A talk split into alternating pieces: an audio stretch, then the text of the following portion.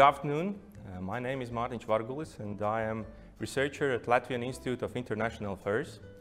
I'm delighted to be the moderator of the next episode of the podcast series of the Riga Security Forum. Traditionally, Riga Security Forum is taking place in Riga in autumn and in place. Um, but uh, this year has been different. This, this year has changed a lot. Uh, nevertheless, we are pleased to provide the hybrid model a platform for the thought-provoking discussions on uh, several topical issues. And uh, this particular episode will be devoted to the challenges uh, that we are facing near abroad. We will devote our discussion on Belarus, uh, indicating and analyzing uh, what kind of uh, long-term challenges we have for not only the region, but also for the wider transatlantic community. And in order to answer to those questions, I'm delighted to have a panel of distinguished experts and professionals, and uh, I would like to introduce them. First, uh, Mr. Valdis Zatlers, who is former President of the Republic of Latvia. Uh, Mr. President, hopefully you hear us loud and clear. All are welcomed. Uh, next, two international representatives, one from Poland, Mr. Marcin Przydacz, who is Undersecretary of State for Security, the America, Asia and Eastern Policy of the Ministry of Foreign Affairs. Mr. Przydacz, uh, it's a pleasure to have you here today and hopefully you hear us loud and clear as well. Yes, perfectly. Thank you for having me here. And uh, last but not least, uh, our friend and ally, Mr. Arkady Moshes, who is Program Director of the EU Eastern Neighborhood and Russia Research Program at the Finnish Institute of International Affairs. Mr. Moshes, it's a pleasure to have you here and to, to hear your thoughts and insights um, on, on the region and particularly Belarus. Very good afternoon. Thank you for having me. Uh, thank you, colleagues, for, for joining us today uh, online. Um, Mr. President, I would like to start the discussion with you um, to kick off uh, discussion, uh, and uh, we will um, would like to have your perspective on uh, on the broader terms. What's going on in the Belarus? What are the internal um, prospects? Uh, what have caused uh, what's happening in Belarus? What's your reading? What's your take? What Belarusian summer and autumn is about? It's a very good question, you know, uh, not so easy to be answered. Uh, so, what's going in Belarus today? That's most important question. And when we had the previous discussion about Belarus, you know, um, some of us uh, really said that uh, Lukashenko will survive. Uh, but uh, the question is for how long time? And if we see the, the winter approaching, okay, the protesters, you know, uh, get a little bit tired. They get a little bit uh, much more cold, expect, exp- uh, exposed to cold, and they need to change the tactics. They really need to change the tactics because uh, otherwise, you know, the same situation is going on. It's favorable for Lukashenko because he's satisfied. He gains the time uh, for, for, for some actions inside his uh, power team. And of course, you know, the violence is, is increasing. And of course, if you look at the news uh, during the last days, you know, the use of force in Berlin, you know, uh, plays uh, into the hands of Lukashenko, saying, "Not, I am not alone." You know, people in democratic world do the same. But uh, basically, uh, what I see as, as a change is if the opposition changes their tactics. Because what I, is really surprised to me that uh, they catch the leaders, they put them in the jail, you know, they torture them and they beat them, but still every Sunday new leaders are coming up. And this is a positive note because this is a question of uh, the consciousness of the, the people themselves. And uh, they, with each Sunday, they learn how to self-organize and uh, how to really change the tactics and how to communicate between each other. Uh, but uh, let's say, as we said uh, and the previous time, if nothing changes in the tactics of, of, of opposition, the, uh, Lukashenko is going to be the president uh, for some longer time that we all expect. Uh, thank you, Mr. President, and uh, I would like to elaborate on, on what you already said and, and would uh, highly appreciate if uh, Mr. Przydacz could, could, could take this one. Um, Mr. Przydacz, how do you perceive um, what we are witnessing in the Belarus? Is the change inevitable? or we are observing something that will completely change the way Belarus is developing further? Yes, first of all, thank you very much once again for having me um, here in this very important and, um, and, timely discussion, and especially with the presence of such a distinguished uh, um, uh, panelist. I'm really, I, I, do really appreciate that uh, that Latvia is also a um, uh, involved partner in discussion of uh, of the current situation in, in Belarus, since we are both um, neighbors of this um, country, and we are both interested in the in the developments of this uh, in this um, in this um, um, country. Um, uh, I would say let's let's be realistic. Uh, uh, definitely, Mr. Lukashenko won't hesitate, uh, even even if it costs lives, as we've witnessed last week. Uh, he's played all in.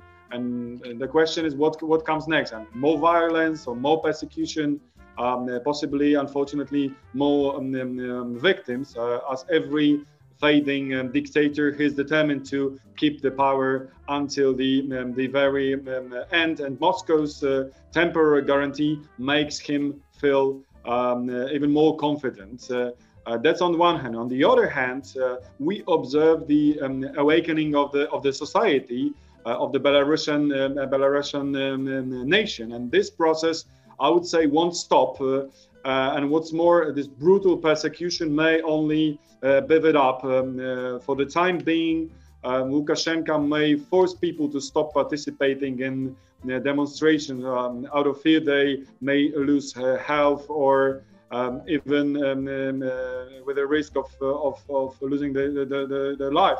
Uh, but this will be a, a Pyrrhic victory of, of Mr. Lukashenko it may take time. Uh, it may uh, take uh, um, time, but I would say, and that's my personal opinion, that the the, the society um, will um, win. And I, I, agree with Mr. Uh, President. sooner or later, there will be a kind of uh, change in, in, in, in, Belarus. The more brutal Lukashenko is, the shorter time um, it um, takes. Um, in Poland, as we remember from the history, it took uh, us 10 years since the um, creation of the solidarity uh, movement until the round table, uh, which ended the communist uh, rule in my in my country. And I believe that the Belarusian is even much closer to um, to the um, um end end goal. So we have a new actor, we have a new um, yeah, nation of, of, of of Belarus, and sooner or later there will be there will be change. The only the only question is uh, when and it will be and how long Russia will support Mr. Lukashenko because I'm I'm pretty sure that they know that it's a costly it, it, it's a costly um, exercise. I mean. Uh, supporting uh, Lukashenko against the uh, the nation of um, uh, Belarus uh, makes Russia to pay uh, to pay some some, some costs. Uh, and of course, they cannot let to be the, the, the, change of power because only of the of, of the protest, but the, days or the weeks or the months of of Mr. Mr. Lukashenko, I would say, are um, unnumbered. Uh, we just need to uh, we just need to wait for the for the developments. Uh, thank you, Mr. Przydacz, and, and now to uh, Mr. Moshes. Uh, taking, account, taking into account what already has been said, what's, what's your reading? Do you believe that we are experiencing, experiencing the end of the Lukashenko era in one time or uh, sooner or later? Or you still believe that he will uh, manage to control the power vertical, to control the regime, to stabilize and dismiss the protests? What's your reading on that? Uh, a minute ago, you asked if the change is inevitable. I will go further and say that the change has already happened. And it did not happen in August, it happened much earlier. Uh, about a year and a half, together with a colleague, we co authored a paper called Belarusian Paradox The Country of Today versus the President of the Past. The gap between a fairly modern and further quickly modernizing society, an absolutely archaic, anachronistic president with his attitudes to life, to processes in the society, to the economy, to the modern world. I mean, this gap has gotten so wide that eruption was inevitable. I was not predicting it to happen just after these presidential elections. And it happened because of a series of very clear and very specific mistakes that the regime uh, had done during the run up to the elections. But it was to happen sooner rather than later. So I agree with both previous speakers that strategically this regime is on its way out. However, saying that I would not be too quick in my predictions. Lukashenko is back in the saddle. He was, and his regime was shaken a little bit between, let's say, roughly the 10th and the 20th or 25th of August. But after that, uh, it demonstrated its ability still to stand, to stand up, and to fight. And uh, an important thing to understand is that this regime can make mistakes, but it doesn't panic. And when it takes a, mis- a decision which is wrong, which is counter effective from the point of view of the regime's goals, it can redecide and re implement. And what matters is that the power vertical follows the orders. Russia is a key factor indeed. And it's not even the economic side of the matter. It's uh, the message that is sent to the power vertical. The message is that we will stand by Lukashenko, so you, the bureaucrats, the representatives of the power structures, you have no other side to defect because we will be working with Lukashenko and with nobody else. And again, that's why we might come back to that later. I've always been and still remain skeptical when I'm reading or hearing the comments that Russia is deciding to do this or that. It's preparing for the replacement. It's playing to. It's preparing how it's going to play after the constitution is changed. It might all be happening, but now the main message that is coming from Russia is that it's going to continue supporting Lukashenko diplomatically, economically, and if need be, through providing him with power structures, whether it likes it or not. But that's another story. It might not like it but it supports Lukashenko and chooses Lukashenko. And his chances to continue this game for a certain period of time are quite quite substantial, I would say. Unless the, indeed the tactics of the protesters change, unless uh, the protesters uh, develop the understanding of what they stand for rather than just what they stand against and change the behavior on the streets as well. Uh, thank you, Mr. Mosh. And uh, uh, immediate follow-up to you. Um, I understand that uh, speculations and attempts to provide any kind of scenarios is not a favorable thing for the international expert, but nevertheless, what's your prediction? How will the next year, next two years develop in, in, in Belarus? And what are the key elements that could, could change in one or another way? yes, making predictions is always difficult. Uh, one key thing to watch is the economy. The situation in the Belarusian economy is worsening quite quickly, and uh, Russia's willingness uh, to cover the difference, to, to give Lukashenko as much money as he might potentially need, is certainly not there. So the possibility for the destabilization uh, for economic reasons, for further destabilization is, is quite serious. And that might uh, fasten the process quite significantly.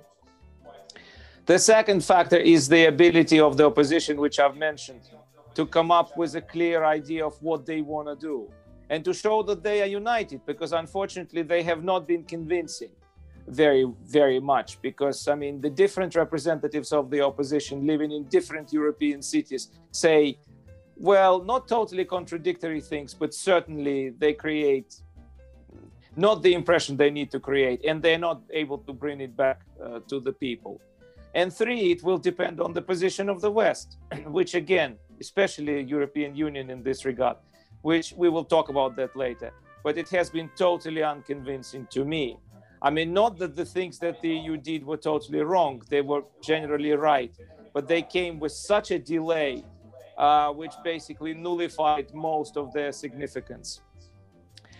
Uh, if all three factors are done, continue developing in the way uh, beneficial for the protesters, the regime will go sooner. But uh, my predictions have been starting from August that uh, probably it will still take two to three years before the regime falls, if it falls. Uh, thank you, thank you, Mr. Moshes. And uh, back to back to Mr. Przydacz. What what's your reading? What kind of hmm, transition of power we can expect? Do you believe that uh, Lukashenko will stay at power, or, or do you believe that the protests will go on and, uh, and completely change the, the system uh, in a way uh, Belarus is developing further? Well, at this very moment, we don't know what the scenario will be uh, and what's how long Russia, who has the key actually to the current situation in, in Belarus, what Russia will um, will do. Definitely, as I said before, they are not very happy with the current developments in, in, in Belarus, since uh, we have to also remember that uh, Belarusians, they were mostly uh, pro-Russian society, and now they're asking themselves why we are pro-Russian, why we are so favorable for favorable for um, um, Kremlin. If Kremlin is supporting constantly the authoritarian regime, uh, if Kremlin is supporting the guy who is beating us on the, on on a street, if Kremlin um, does not help us in the um, not only political but economical crisis, as uh, our expert uh, just said. We have to we have to re remember uh, remember that the, this political crisis is deeply rooted in the um, economical uh, economical one. A lot of people, a number of people um, are on the street because of the uh, worsening um, um, socio-economic situation in their uh, in their own country. So, um, of course, the key uh, are in, in, in Moscow, but also in the uh, uh, in other European um, countries, especially neighboring um, countries. We are asking, or we are trying to invite Mr. Lukashenko to start a dialogue not only with us but especially with their uh, own society, with the, with the opposition, with those uh, leaders uh, who are in Vilnius, in Warsaw, but also those who are still in, in um, Belarus. The dialogue is the only and the proper way to the way out of this um, of this um, crisis. The changes of the constitution proposed by um, authorities in, in Minsk or mm, apparently from from uh, from Moscow um, uh, without the involvement of the of the people uh, won't change anything. I mean, people they are grown up enough. I mean, to be a partner in this in this discussion. The, the sooner um, um, uh, authorities in, in Minsk uh, will understand it, the better for uh, for them. Because I don't, I, I, won't predict that Mr. Lukashenko would understand it. I mean, he's he's over. I mean, it's he shouldn't be a, a, a subject of this uh, of, of the of the discussion about the future because people in Belarus they just don't want don't, don't accept uh, uh, don't um, accept him. and so, as we, Poland, Latvia, Lithuania, maybe other European countries, we should keep the, um, our pressure both on Minsk and and Moscow to start a dialogue to think about the uh, future of um, of this uh, country uh, because uh, what, what, what's the scenario for the next couple of uh, of of, mon of months as I agree with with with with the other partners in this in this panel Mr Lukashenko is somehow selling elements of the sovereignty of his country and and and his nation for keeping him in the office. I mean, for keeping him in in, um, in means giving some elements of the economically uh, in in a, in a uh, area of uh, uh, security, etc., just for the mm, uh, for the mm, uh, for, for the support. So it's very dangerous situation for for the sovereignty of the country of, of Belarus, and we as as neighboring country we are. Um, especially, I mean, we're strictly for the sovereign, uh, free, um, independent um, um, Belarus. That should be a partner for, for us. And the any kind of outcome of the of the of this dialogue should guarantee that this country will be independent, sovereign, and uh, uh, and that there will be the dialogue between the authorities and the, and the society. Uh, thank you, Mr. Przydacz. I, I, will.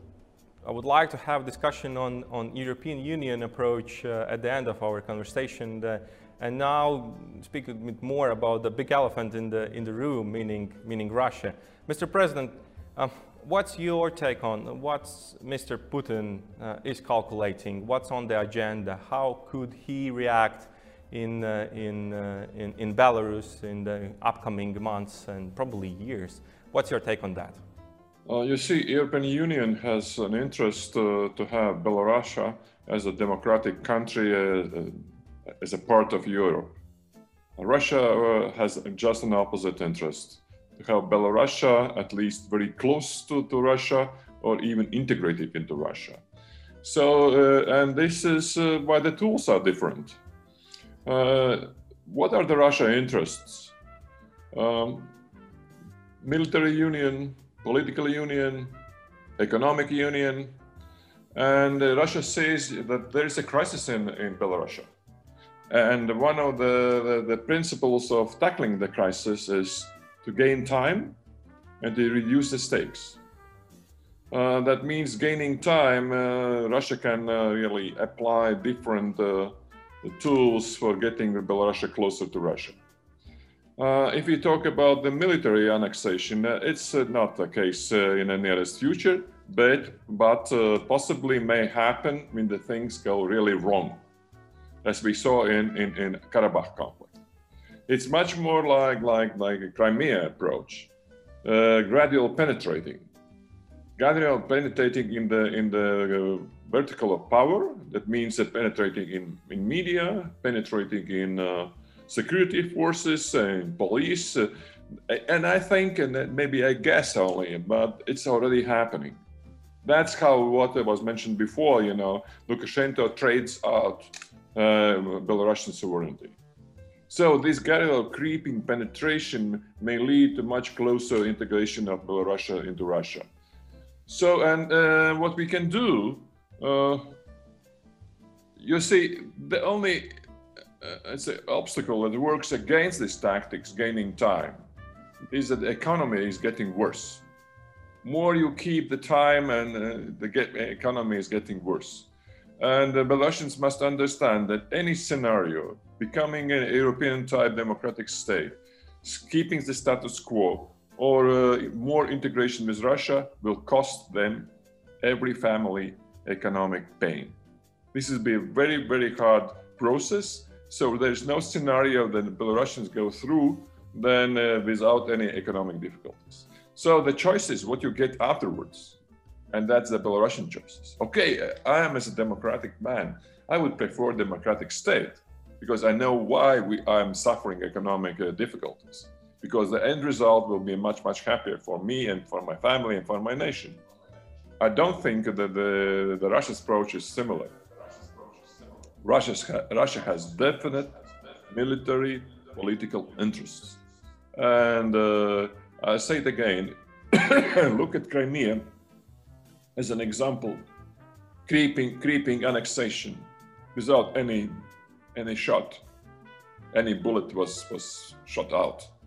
But uh, in Karabakh, you know, when the real situation de facto, then nobody could interfere, the military presence was immediately implemented.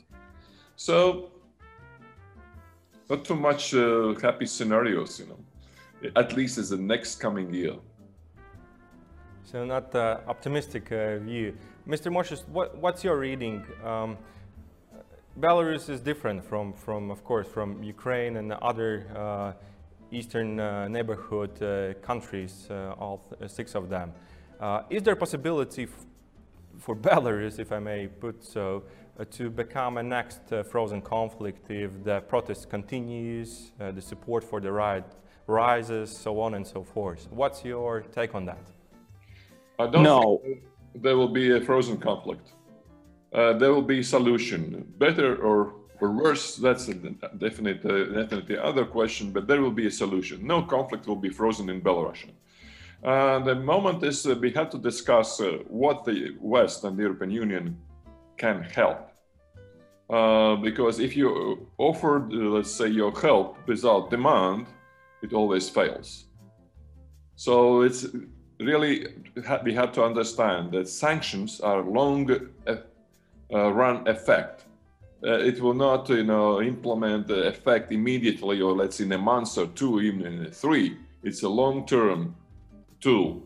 So we have to find another tool. And really, if the power elite of Russia is, is, is in danger, they don't care about the sanctions. They don't need to travel anymore, except if something they lose some money or lose their businesses. Thank you, Mr. President. Uh, Mr. Moshes, do you have the same reading uh, on, on, this? Uh, do, you, do you agree with uh, Mr. President on? Uh, there will be no frozen conflict in Belarus. I mean, it's the situation is completely different.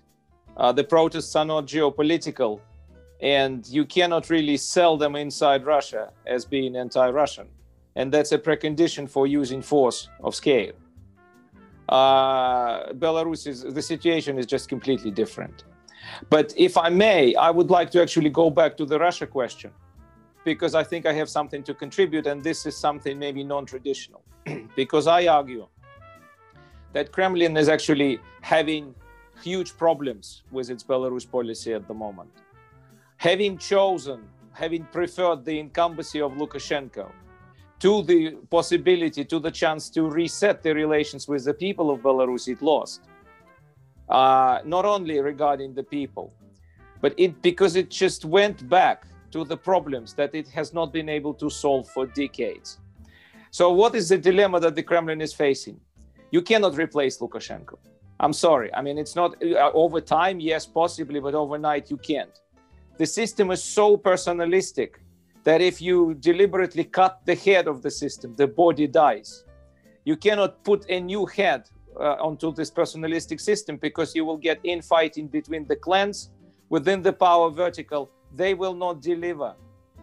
And any new person will be listening to his friends, to the elites, and to the people, because whatever you say, uh, people will interpret the departure of Lukashenko after the protests as his departure as a result of the protests.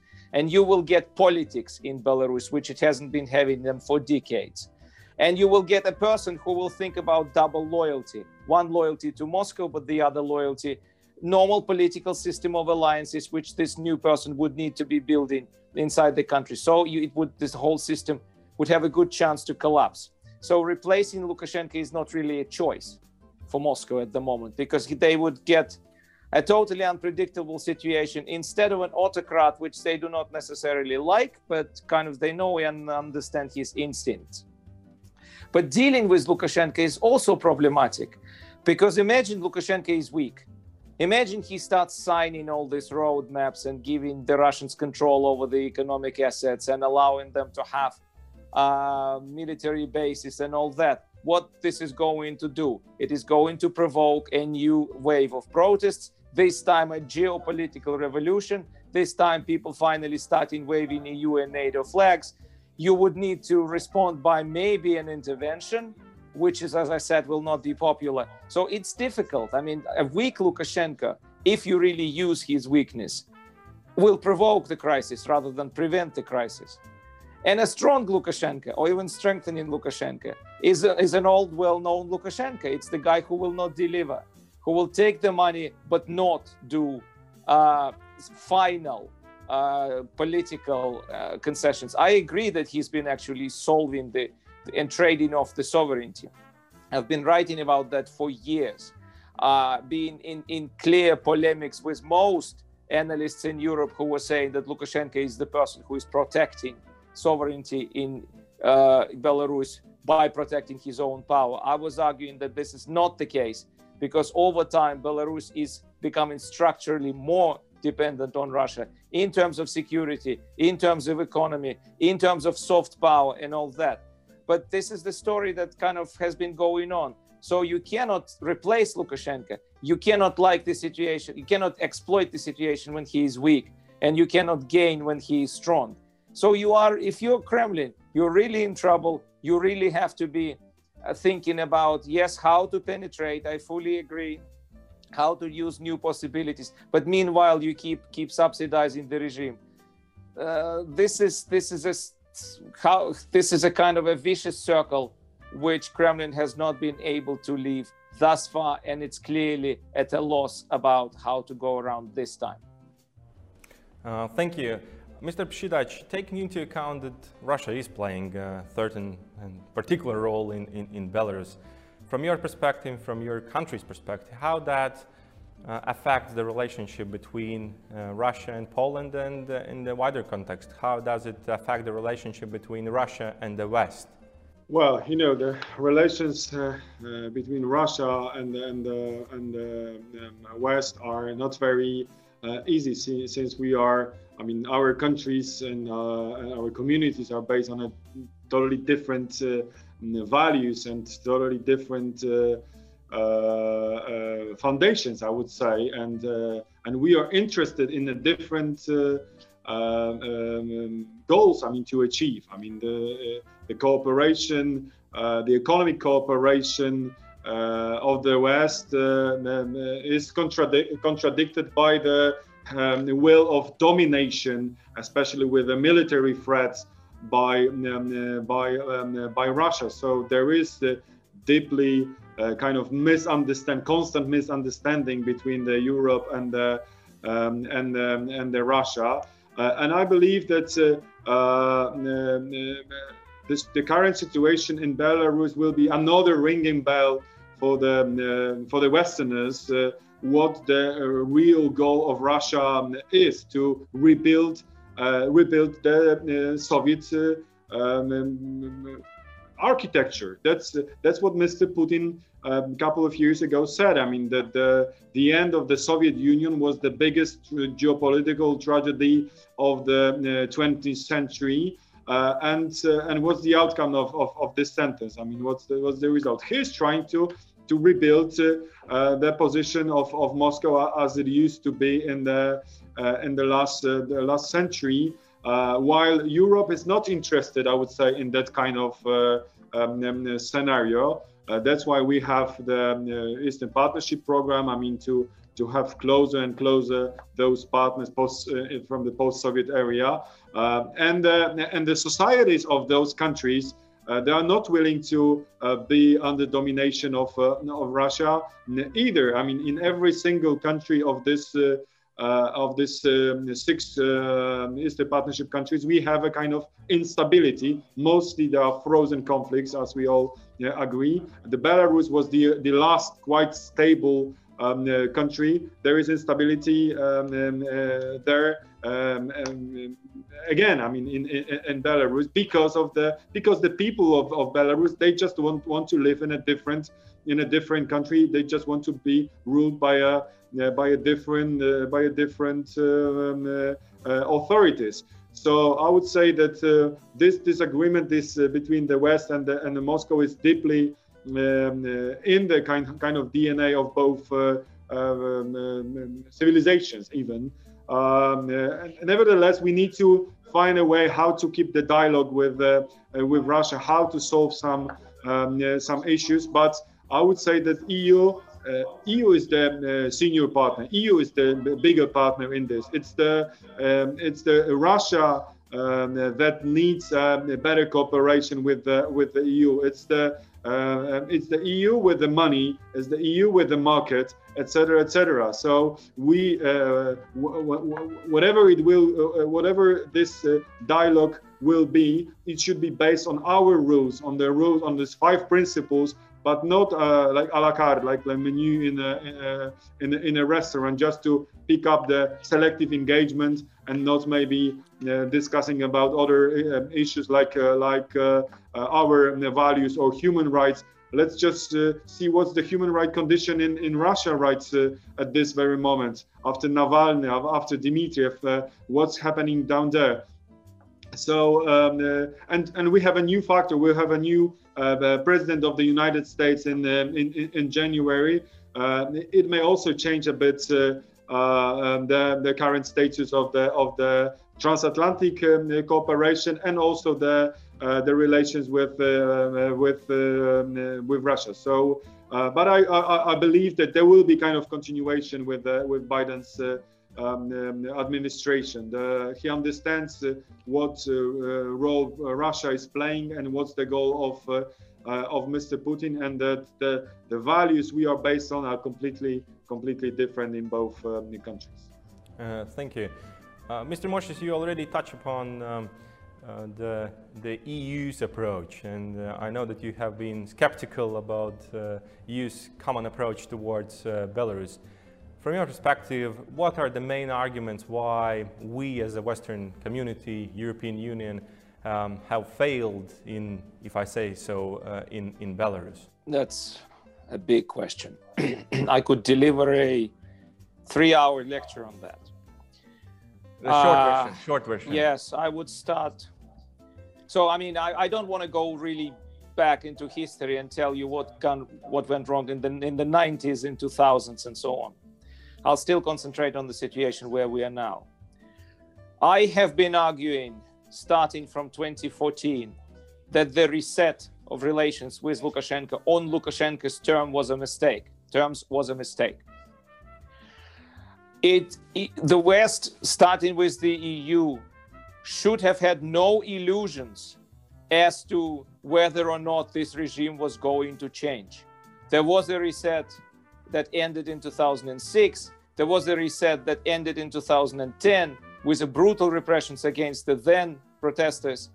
So there was very little to hope that it would be different this time frankly doing einstein once said that one of the definitions of schizophrenia is doing the same thing every time expecting a different result so uh, this was a mistake because eu allowed lukashenko to do practically everything lukashenko wanted to do in his domestic policy during the protests of 2017 socio-economic protests which were also brutally oppressed if I'm not mistaken, the European Union, namely High Representative Mogherini, once expressed concern, concerns.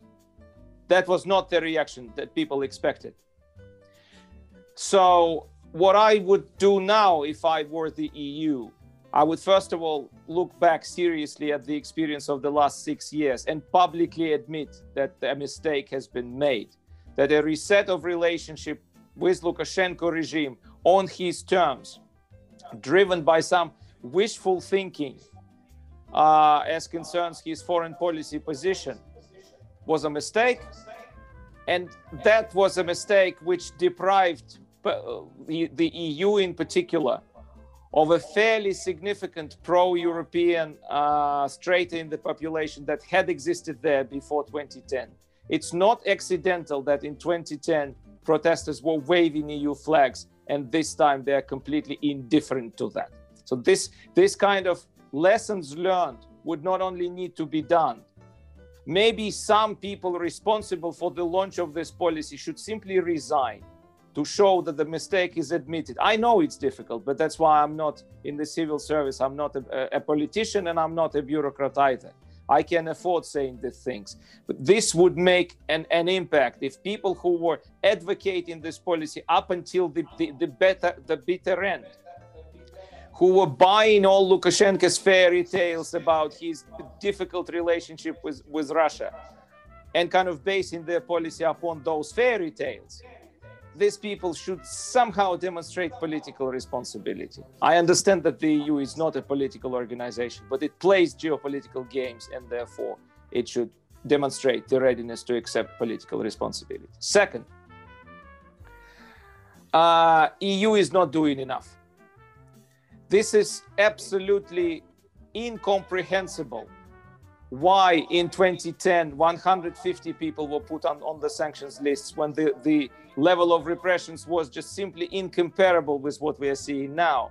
And now kind of we're still having 50 people and we are still hearing the talk all the time about the need to have a dialogue with the regime. Eu does not recognize lukashenko as president as an elected president but I'm sorry, I don't see clarity, with the exception of certain countries, where the ambassadors stay. Have they been recalled? Have they just traveled back out of demonstration of some solidarity or quietly traveled back to their capitals without making even statements. De facto, nothing has changed. And that's why I'm saying that the EU is not doing enough. And what it is actually doing, it's doing so late. I cannot understand why it took two months to come up with the first 30, 40 people who were put on the sanction list. I simply cannot understand it. When thousands, by now, almost 20,000 Belarusians have, have gone through the jails, through human rights abuse, torturing, beating, humiliation, rape.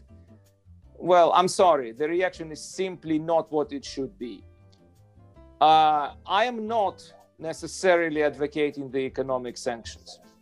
I'm not because I, mean, uh, I, am I'm hesitant to advocate serious economic sanctions eh, um, to be imposed on, on the country in, in general. That might be counterproductive.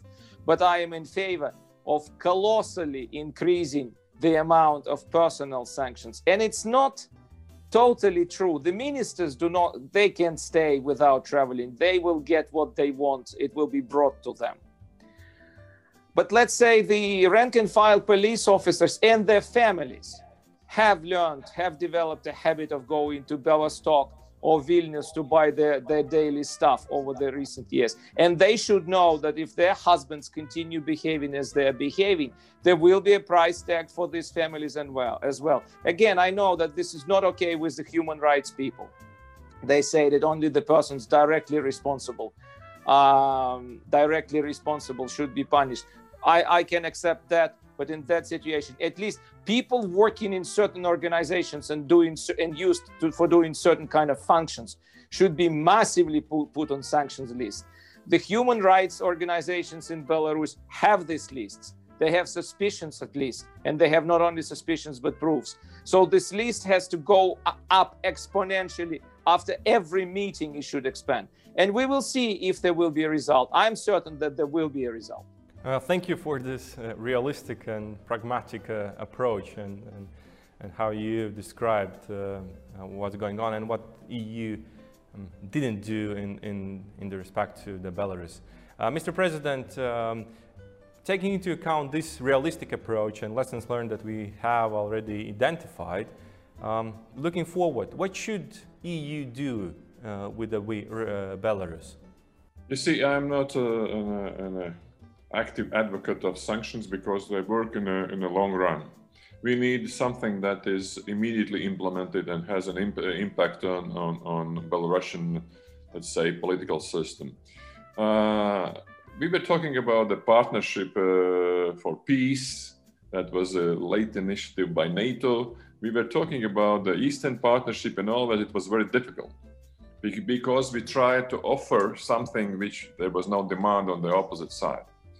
At present, we have to understand that uh, the EU must keep the door open. Uh, the Russia will do everything to shut the door. Uh, the, the, the, the, borders are already shut, by the way. Uh, but uh, we really have to investigate what possible needs the Belarusian society will need in the nearest future. Because uh, the, the, one of the mistakes was, you know, the late, late delivery if they ask for some assistance today, we must deliver tomorrow, not the day after tomorrow. Therefore, it's very important that what will be and might be the demands. It's the assistance in institution building, including NGOs. So we have to really all the people who live uh, in our countries or stay in our countries. Uh, we have to assist them uh, with the skills, uh, with the knowledge how to do that uh, when there is another demand, even economic assistance, we should deliver next day. Because the problem of the Western democratic societies, especially EU, that the, people in the third world, which are used as the decisions of the dictators, uh, they can't understand. That needs some time to, to have consensus how we are going to deliver different uh, different assistance to, to Belarus. So we have to be prepared. We have to prepare ourselves to any change, which is any very small change, which will happen in the nearest future in Belarus. Uh, do we have another tools? I totally agree that we have to know uh, put all these, uh, let's say, police people and security people uh, on the on on blacklists. That's true. That's easy because this is definite violence. there's a good argument, we put them on the backlist and don't wait. Let's put them uh, immediately in the neighboring countries, and the EU will follow. So we have to do something more actively. But I will emphasize at the, at the end, we should deliver immediately when the demand comes. Thank you. Uh, Mr. Przydacz, if I may, I would like to a little bit complicate uh, the last question uh, um, to you. Um, what should we from the region, I mean, Baltic states and Poland should do in this respect, and how you will describe what's next European Union neighborhood uh, policy um, uh, should be and should look like? Yeah, of, course. I mean, the responsibility is ours because we are the neighboring country. So um, every uh, every European uh, country um, is also waiting for, for for our position, and that's why we are in a close cooperation with our uh, friends in Vilnius uh, and in in Riga um, trying to coordinate also our uh, our policies. Uh, uh, I would say that there is a kind of twofold approach needed. I mean, first, restrictive restrictive measures towards those responsible for for those atrocities, as as Arkady mentioned, uh, uh, the list is uh, too short for sure. I mean, we as a neighboring country, we were advocating for the um, um, uh, quick response and for the longer uh, uh, blacklist. unfortunately, EU works like this that need to be um, you know agreed among all um, 20, 27 um, seven countries. But step by step, first there was a list of 40 names then another another tranche another another so finally i truly believe that we will reach the, the proper number of those uh, um, responsible for first rigging the election, then using the, um, the force, torturing, raping, etc. All those uh, atrocities mentioned by um, uh, uh, in this in this um, in this panel. So sanctioning people. I'm not advocating um, neither um, economic sanctions because that would negative negatively um, uh, affect the ordinary people of, of, Belarus. But there is another way of, um, of sanctioning um, uh, uh, those um, people responsible for, for, for, for, the current developments in Belarus is the targeted individual economic sanctions. I mean, put on those um, business entities who are in a close circle of, uh, of Mr. Lukashenko, who are supporting the um, regime uh, and I would say that that's the proper way uh, of, uh, of the answer from the EU, and that should be the uh, the uh, proposal of uh, of the neighboring country. That's because I mean we will lose the, definitely since we are neighboring country and the, the, the trade goes through our territories also through Belarus. But anyway, we could pay this um, price. Those people who are financing the regime should also feel the um, the, the answer from the from the EU uh, um, uh, side. Uh, that's so. That's the let me say the restrictive measures. The other is the positive um, scenario, the positive um, step. First is the economic plan for the new democratic Belarus.